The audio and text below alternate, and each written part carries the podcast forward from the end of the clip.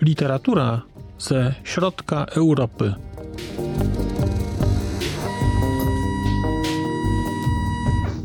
Podcast około książkowy. Znak litera człowiek. Podcast okołokulturowy. Dzień dobry. Przed mikrofonem Marcin Piotrowski.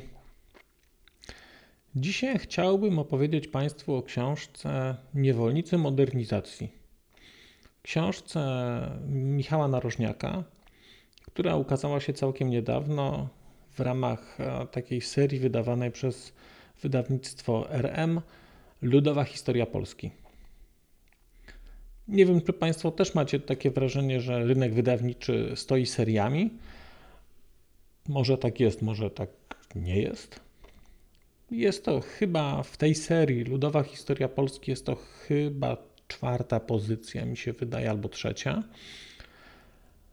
I z mojej perspektywy lektury całej serii jak dotąd chyba najlepsza. Dlatego postanowiłem o tej książce kilka słów opowiedzieć, bo, bo wydaje mi się, że jest warta tego, żeby przynajmniej rozważyć jej przeczytanie, czy, czy zakup nawet, być może i przeczytanie. Czym jest ta książka? Michał Narożniak gdzieś tam we wstępie, czy w zakończeniu, chyba we wstępie, nie pamiętam już dokładnie, wprost mówi, że ta książka powstała na bazie jego pracy magisterskiej.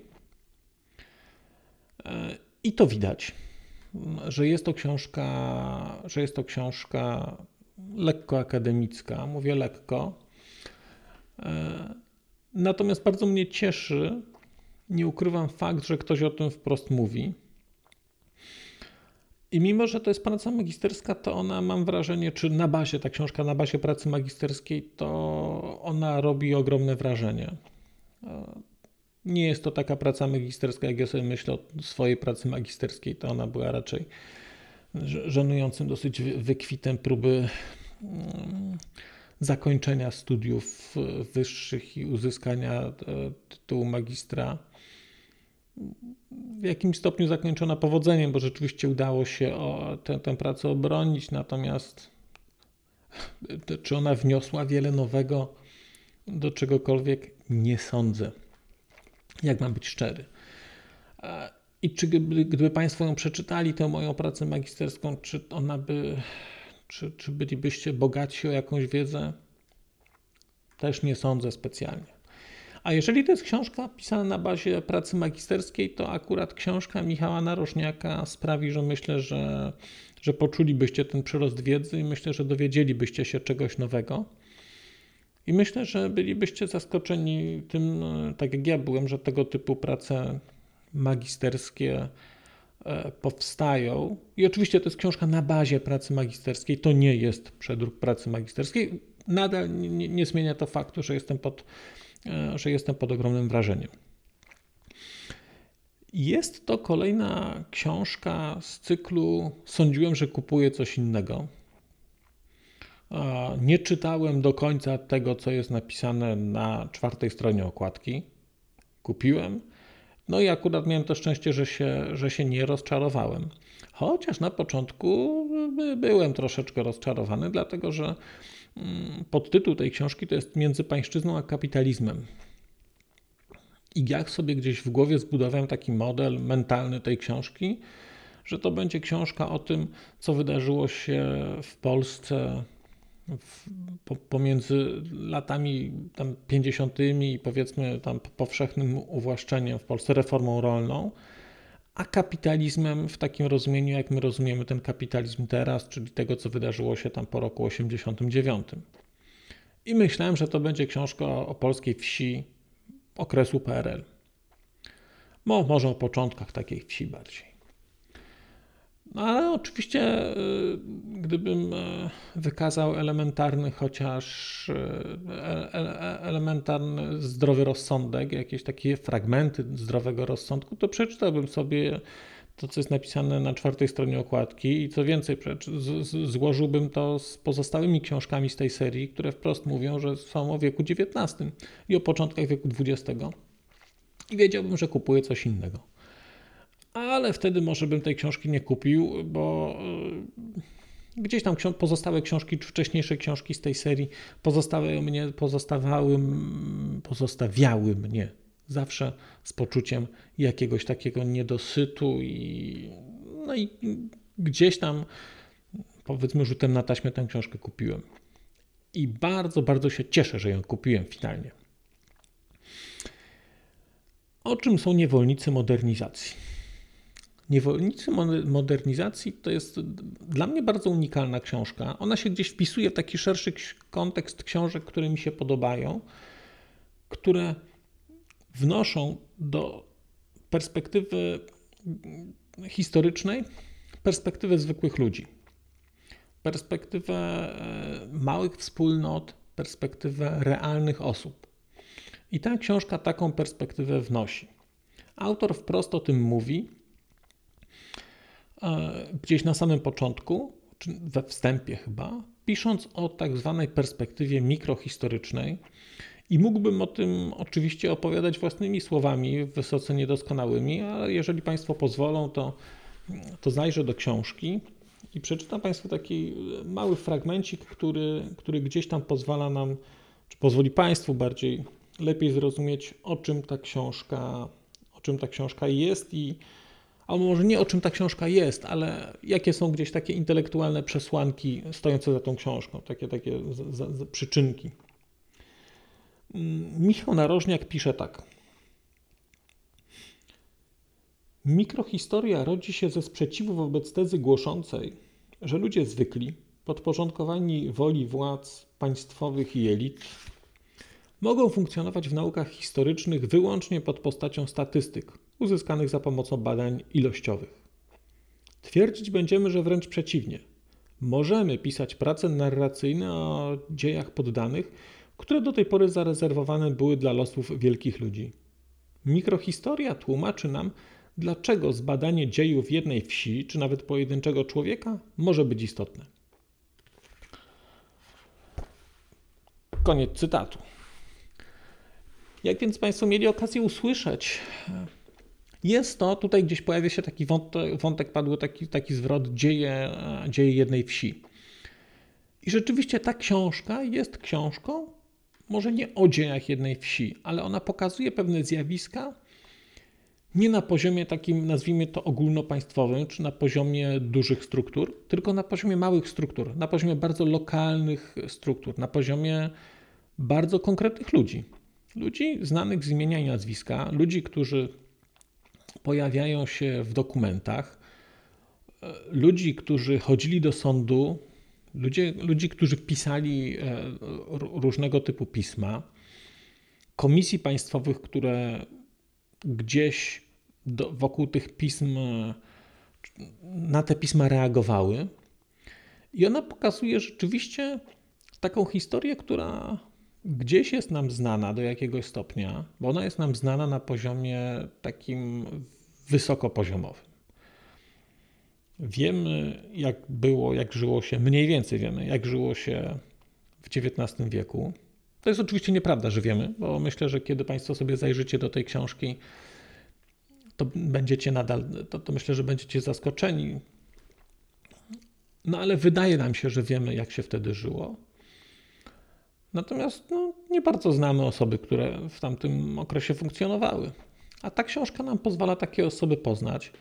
Ta książka pozwala nam zajrzeć trochę za kulisy życia na wsi. Ona się dzieje, trudno powiedzieć, że dzieje się. Ona opisuje, mm, ona opisuje funkcjonowanie dwóch albo trzech wspólnot w okolicach Kielc e, położonych i pokazuje trochę, jak ludzie wtedy funkcjonowali jak wyglądało życie na wsi.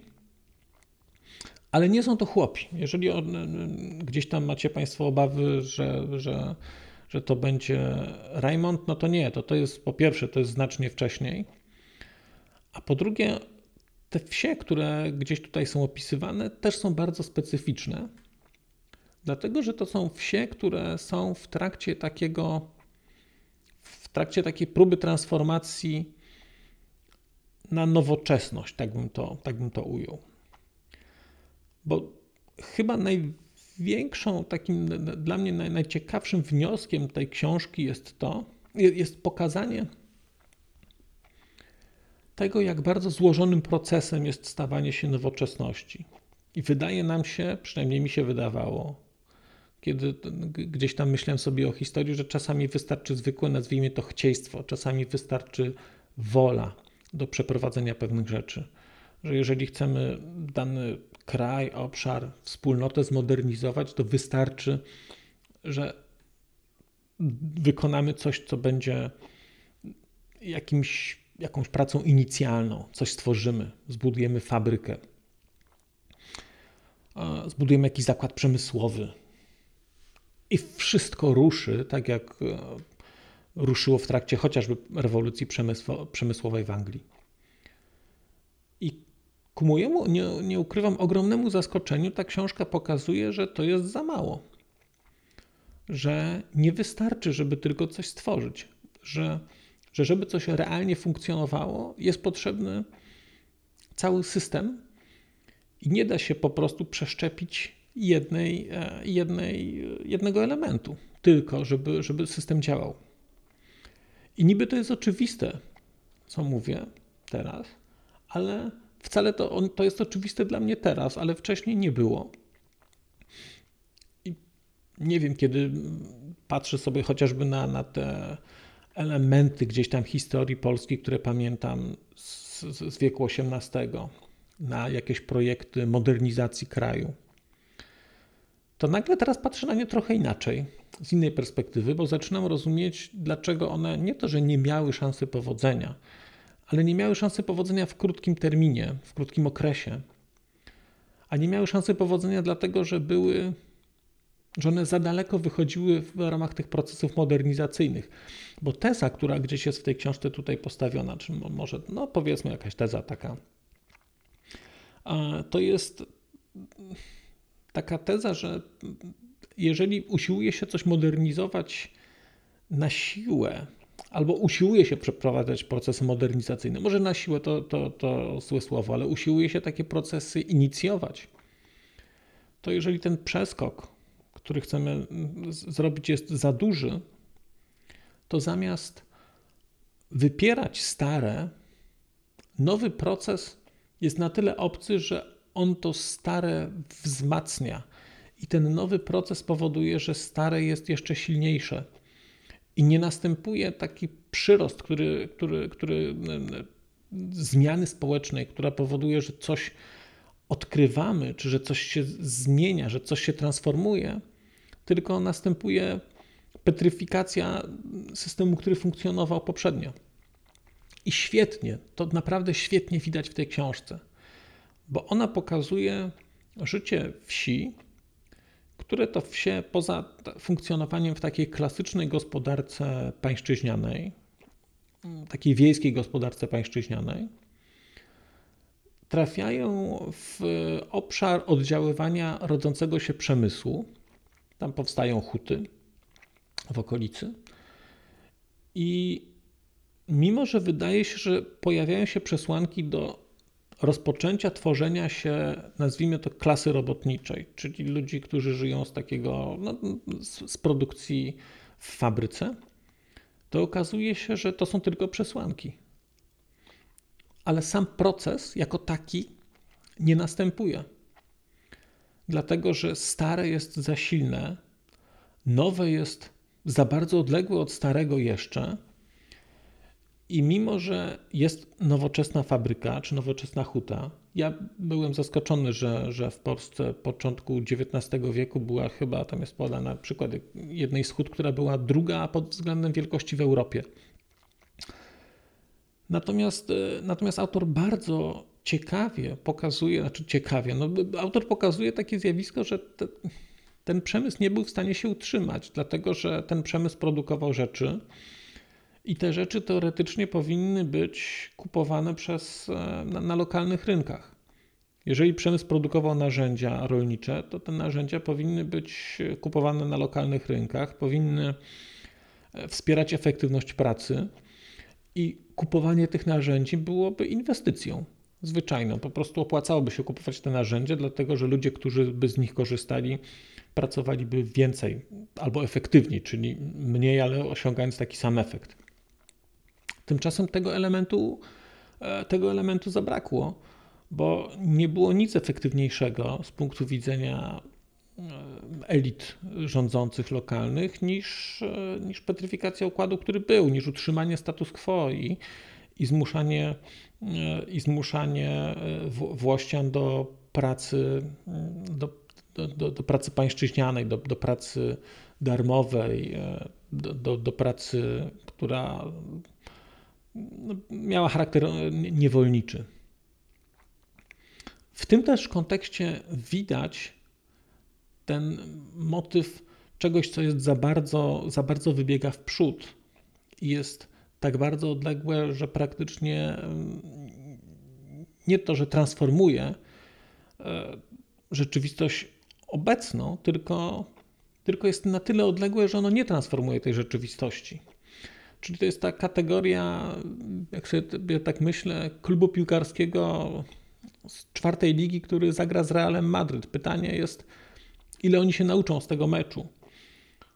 I zachodzi obawa, że nauczą się bardzo niewiele, gdyż ten przeskok, który będzie u nich, będzie tak duży, ten, ten przeskok jakiegoś, jakiejś umiejętności, że nie będą w stanie nawet wyciągnąć wniosków z jednego takiego meczu. Zwyczajnie. Ta historia jest historią o tym. Ta historia jest historią o tym, że pojawiają się nowe e, zakłady przemysłowe, natomiast sposób zarządzania nimi opiera się nadal na gospodarce pańszczyźnianej, czyli buduje się, buduje się zakład przemysłowy, po czym przymusza się ludzi, żeby tam pracowali jako, e, żeby tam odrabiali swoją pańszczyznę. I nagle okazuje się, że zakład przemysłowy, który miał transformować e, lokalną społeczność, czy, czy szerzej, transformować, cał, transformować cały system, miał być przyczynkiem do czegoś, nagle staje się dodatkowym obciążeniem dla tych ludzi, dlatego że oni poza tym, że muszą e, pracować w tym zakładzie przemysłowym, odrabiać tam właśnie e, pańszczyznę, to do tego jeszcze muszą utrzymać swoją rodzinę, a jest to systemowo nazwijmy to w umiarkowanym stopniu wspierane przez, e, przez całość, która funkcjonuje dookoła. I z tej perspektywy, jeżeli się patrzy na tę książkę, to ona jest, to ona jest szalenie smutna, bo ona e, pokazuje, bo ona pokazuje takie systemowy sposób gnębienia poddanych, systemowy sposób pognębiania Włościan. Posługuje się pojęciem Włościanie tutaj, dlatego że gdzieś może przy innych książkach będę o tym mówił, co znaczy słowo chłop, bo w Polsce mówiło się przez długie lata, że to byli chłopi. No, natomiast konotacja tego słowa, tego słowa chłop jest trochę inna. I o ile pamiętam, oznacza mniej więcej niewolnika, jest gdzieś synonimem, e, synonimem niewolnictwa. E, więc mówmy Włościanie, chociaż być może powinniśmy mówić rzeczywiście chłopi, dlatego że kiedy się spojrzy tak szerzej, no to, to system, który przez kilkaset lat funkcjonował w Polsce, był klasycznym systemem niewolniczym i, i trzeba to sobie powiedzieć bardzo, bardzo wprost. O tym w ciągu ostatnich, mam wrażenie, kilku lat, dwóch ukazało się co najmniej kilka bardzo interesujących książek i ja będę też chciał je Państwu zarekomendować z czasem i trochę o nich powiedzieć. Natomiast na razie opowiadam o książce Michała Narożniaka Niewolnicy Modernizacji. Książce, która jak wspominam jest e, wnosi perspektywę mikrohistoryczną jest przez to bardzo unikalna. I z jednej strony, chyba jej wadą dla mnie jest to, że ona jest relatywnie krótka, bo to jest, spojrzyjmy, no to jest niecałe 200 stron. I dla mnie ona pozostawiała uczucie niedosytu ogromne, bo chciałem czytać więcej, mimo że ona, mam wrażenie, ten temat dosyć wyczerpuje. No ale dla mnie ona była na tyle interesująca, że chciałem jeszcze. Natomiast z drugiej strony, tak sobie myślę, że z punktu widzenia serii tej wydawniczej, Ludowa Historia Polski, ta książka się bardzo fajnie w nią wpisuje i przez to, że właśnie nie jest zbyt duża, nie jest zbyt objętościowa, ma chyba większe szanse na, na dotarcie, szersze dotarcie i na popularyzację jakiegoś tematu, który normalnie jakby ta książka miała tyle stron, ile oczekuję, że będzie miała książka o charakterze jakimś tam akademickim, czy jakimś takim bardziej konkretnym, czyli jakieś takie, no umówmy się, no 500 stron to jest minimum, nie? Żeby coś tam dało się na niej y, przeczytać w niej sensownego. Natomiast ta książka pokazuje bardzo sensowne rzeczy na niecałych 200 stronach i chwała jej za to. E, I być może to jest metoda, żeby, żeby pewne rzeczy zbłędziły pod strzechy, właśnie w tym wypadku strzechy miejskie i kryte, i kryte jakimś dachem mieszczące się w blokach, no ale nadal, nadal między strzechy, więc liczę, że ta książka mm, gdzieś tam trafi. Szerzej. I że taka refleksja na temat tego, kim jesteśmy, co dziedziczymy, i dlaczego jesteśmy jacy jesteśmy, gdzieś będzie miała okazję zagościć, zagościć szerzej. Bardzo, mi, bardzo mnie również zaskoczyła końcówka tej książki. Końcówka, w której autor e, odnosi się bardzo wprost do dosyć głośnych książek Kaspra Pobłockiego. Znaczy, on się chyba odnosi tutaj do jednej książki Pobłockiego, do kapitalizmu, historii krótkiego trwania i wchodzi z nim w polemikę. I bardzo, bardzo to doceniam. To jest, ja się z tym nie spotykam często w Polsce, żeby ktoś wprost odnosił się do jakiejś książki, żeby ktoś wprost kwestionował tezy tam stawiane żeby ktoś wprost mówił, że nie zgadza się z tezami, które są postawione przez głośnego naukowca w bardzo głośnej książce. Bo kapitalizm, historia krótkiego trwania to jest. E, pamiętam, kiedy przeczytałem tę książkę po raz pierwszy kilka lat temu. No ja byłem zachwycony e, tą książką. Zresztą nadal jestem i o, o książce Hamstwo Kacpra Pobłockiego, drugiej jego książce, która do, którą miałem okazję czytać, też pewnie będę chciał krótko, za niedługo opowiedzieć, bo ona gdzieś tam też, znaczy gdzieś tam, ona, ona wprost opowiada o, czym, o, o tym, o czym mówię teraz. Natomiast e, to, że młody naukowiec e, gdzieś tam odnosi się i kwestionuje dorobek kogoś, kto jest starszy, uznany i głośny, to szapoba, bo, bo w Polsce niespecjalnie istnieje taka, nie wiem jak to powiedzieć, ale rodzaj takiej, nie, nie jest bardzo popularny rodzaj takiej odwagi, e, żeby mówić, że coś się komuś nie podoba, ale co więcej, mówić, dlaczego się mm, coś nie podoba i dlaczego się z jakiegoś powodu nie zgadzamy. A, a tutaj e, autor się bardzo konkretnie zwraca uwagę na, na różne rzeczy, które nie podobają mu się u Pobłockiego i co do których on ma inne, e, inne podejście. I co więcej, bardzo wprost też tutaj mówi o tym, że, że on się posługuje perspektywą e, marksistowską czy marksowską, e, co mi też bardzo odpowiada, dlatego że mam gdzieś takie przekonanie, że ten Marks odrzucany, odrzucony u nas z powodów czysto historycznych na czas jakiś, jednak wraca. I w szczególności do, do tej historii, która dotyczy wieku XIX, on nadal będzie bardzo aktualny i, i, i będę czekał na kolejne książki, które gdzieś tam ten wątek będą, będą rozwijać. W ogóle takim wnioskiem dla mnie bardzo ciekawym z tej książki jest ta perspektywa mikrohistoryczna. Ona bardzo mi odpowiada Wiem, wiem, że nie można jej pewnie odnosić w całości zawsze i do wszystkiego. Natomiast jako taka sama ta idea bardzo mi odpowiada i bardzo mi się podoba taki jej głęboko systemowy element, taki, takie całościowe patrzenie na proces, na problem. Bo żeby zrozumieć sposób funkcjonowania danej wsi, to nie wystarczy tylko wiedzieć, kto gdzie złożył jakiś, jakiś dokument, jakąś skargę.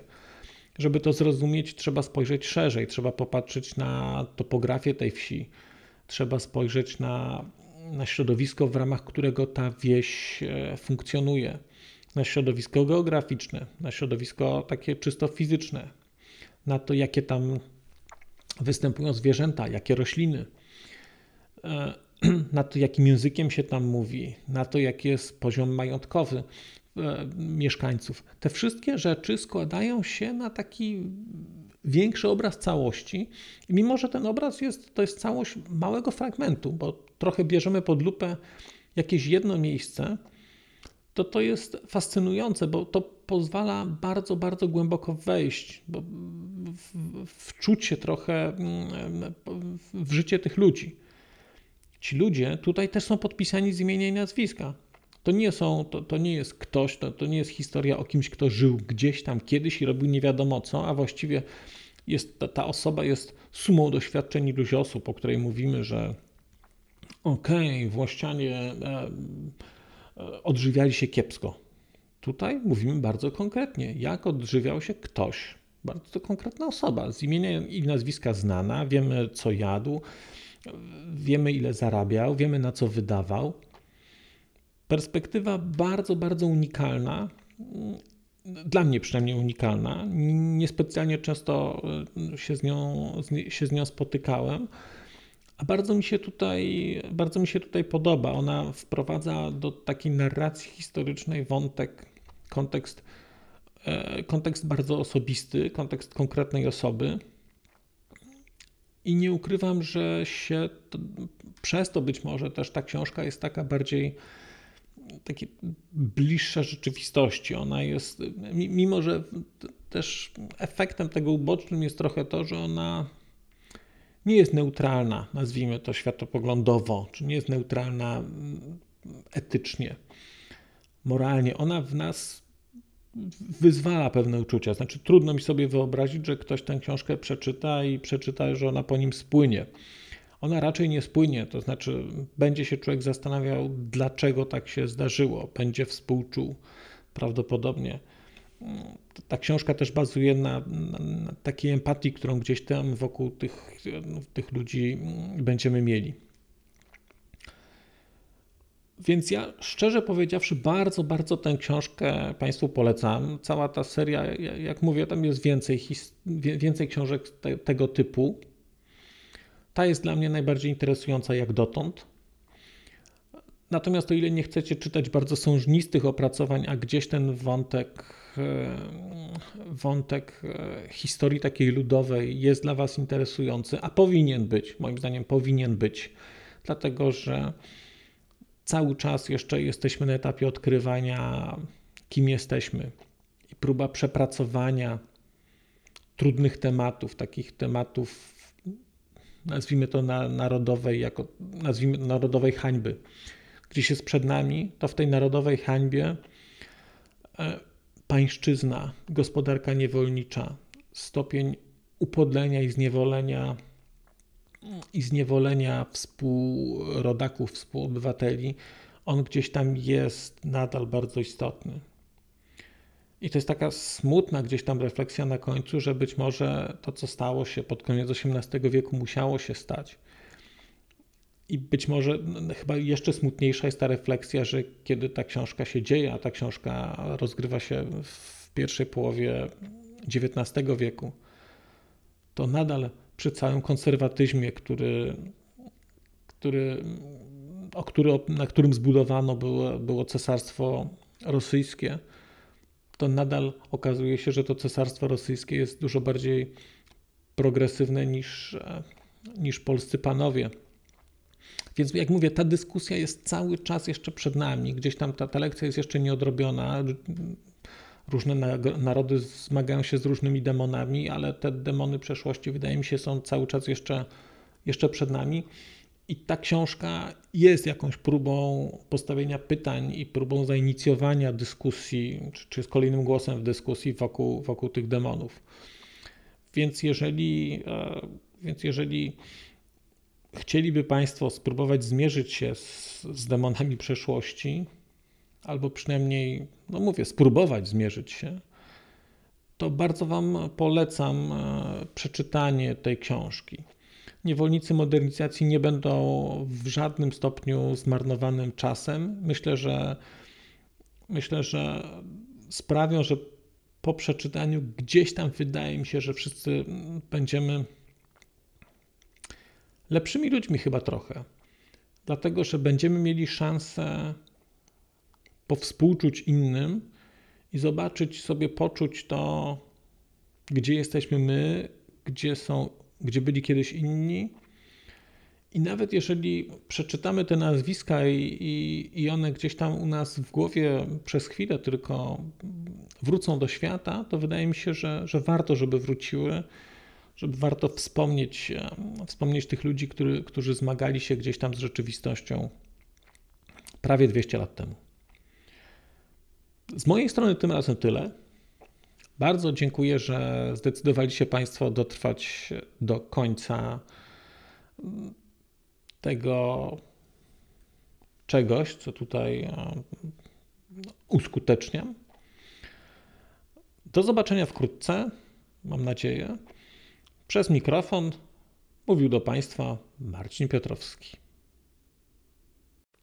A już zupełnie na koniec powiem, że skoro wysłuchaliście Państwo tego odcinka, to w jego opisie znajdziecie link do serwisu YouTube. W wersji YouTube'owej e, jest miejsce na skomentowanie go. To jest takie miejsce, gdzie można komentować ten odcinek, rozmawiać, zadawać pytania, wymieniać się spostrzeżeniami, do czego Państwa bardzo zachęcam, gdyż udało się już na tym YouTubie zgromadzić trochę bardzo ciekawych osób, bardzo ciekawych komentarzy i trochę stworzyć taką społeczność ludzi rozmawiających o książkach. Też na koniec, zupełnie na koniec, e, poproszę Państwa o wystawienie oceny mi w ramach e, tych platform podcastowych, na których Państwo tego odcinka wysłuchaliście. I nieważne jaka ta ocena będzie, istotne dla mnie po prostu, że będzie. Tymczasem się żegnam już naprawdę i do usłyszenia za czas jakiś.